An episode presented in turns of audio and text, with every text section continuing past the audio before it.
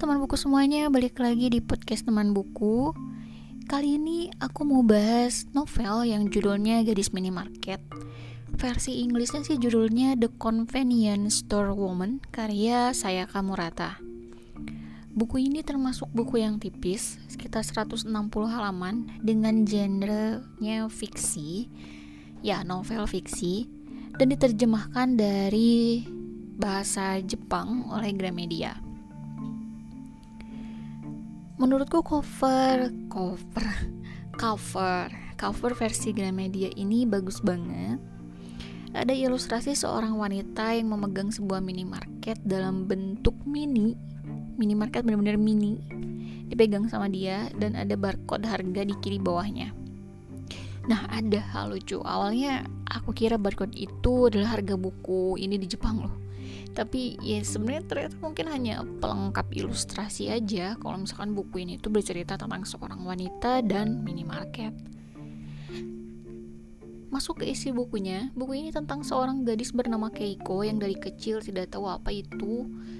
Orang normal yang sepertinya punya kelainan psikologis sampai-sampai dia mempertanyakan apa sih sebenarnya jadi normal itu. Gimana sih caranya hidup normal gimana sih caranya jadi manusia normal? Pokoknya mempertanyakan tentang normalisasi kenormalan dan sebagainya lah. Latar yang ditampilkan di sini hanya rumah minimarket dan rumah teman-temannya. Ya termasuk beberapa jalanan ya. Dengan alur yang maju tanpa drama yang berarti. Maksudku konfliknya itu nggak begitu bikin gregetan sih. Ya greget sih cuman karena mungkin pembawaan si karakter Keiko nya sendiri tenang jadi ke pembaca juga tenang jadinya gitu. Padahal kalau dipikir-pikir ya, ya greget juga sih sebenarnya. Tapi aku ngerasa Keiko ini hanya bisa menjadi dirinya sendiri saat berada di rumahnya seorang diri dan saat dia sedang bertugas di minimarket selebihnya ya hanya pura-pura aja biar terlihat normal. Padahal dia sebenarnya nggak nyaman juga. Jadi dia tuh cuma nyaman tuh di dalam rumah bersama dirinya sendiri dan juga di minimarket sebagai pegawai minimarket. Dia benar-benar suka bekerja paruh waktu di minimarket walaupun orang-orang melihatnya tidak normal jadi menurut uh, di buku ini orang-orang yang ada di novel ini untuk wanita umur 30 tahun ke atas masih bekerja paruh waktu itu nggak normal katanya. Seharusnya dia udah punya uh, apa namanya pekerjaan tetap di sebuah kantor ternama. Seperti itu. Mungkin budayanya beda kali ya. Kalau di kita kan ya it's okay lah. Sebenarnya ya yang penting dapat duit. Nah bukan hanya soal pekerjaan.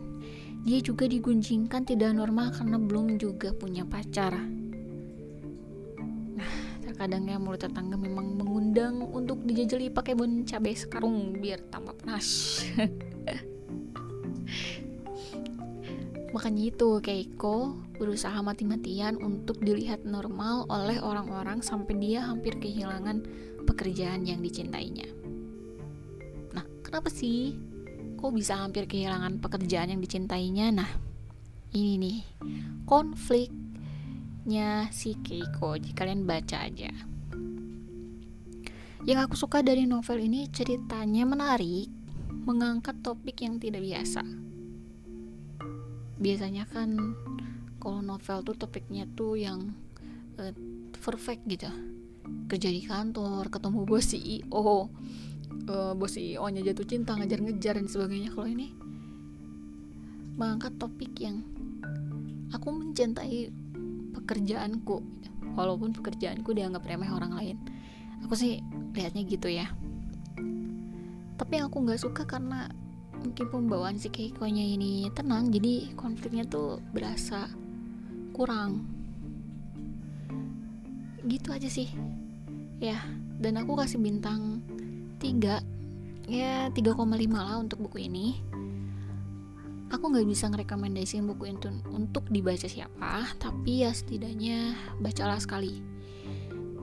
Karena ada ada aja gitu hal yang bisa kita ambil contohnya kayak tadi aku apa pun pekerjaannya ya kita harus mencintai pekerjaan itu. Dan gak perlu terlalu mendengarkan omongan orang lain.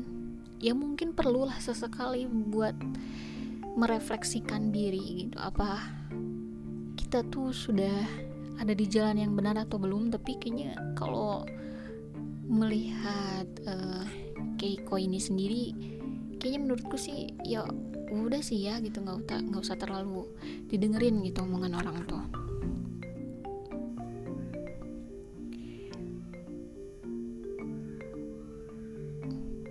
Nah, aku juga di sini nulisin. Ya, aku ada hal yang mau aku sampein. Aku udah tulis, tapi karena agak lupa, jadi aku buka dulu tadi sebentar. Nah, di sini selama kita bahagia dan bukan sesuatu yang tidak baik, kita tidak apa-apa kok dianggap tidak normal oleh masyarakat. Ya seperti yang aku bilang tadi ya udah sih mau digunjingin sama masyarakat sama orang sama tetangga sama saudara julid gitu ya udah gitu. Biarin aja kalaupun kalau misalkan apa yang kita lakukan itu bukan hal yang merugikan gitu kan ya udah gitu biarin aja. Belajar untuk bodoh amat. Nah mungkin next aku bakalan baca seni bodoh amat karya Mark Manson karena aku sampai sekarang juga belum baca buku itu. Karena tiba-tiba stop di awal-awal bab terjemahannya kurang enak jadi mungkin aku bakalan baca versi Inggrisnya nanti ya awat sedikit Oke, baliklah teman-teman. Terima kasih sudah mendengarkan. Sampai jumpa di podcast selanjutnya. Jangan lupa follow Instagram Ikari Reads. Itu Instagram bookstagram aku termasuk Instagram pribadi dan aku sering nge-share info-info yang selain buku juga info-info random tentang finance, uh, tentang komik dan keseharian aku. Oke, sampai jumpa di podcast selanjutnya.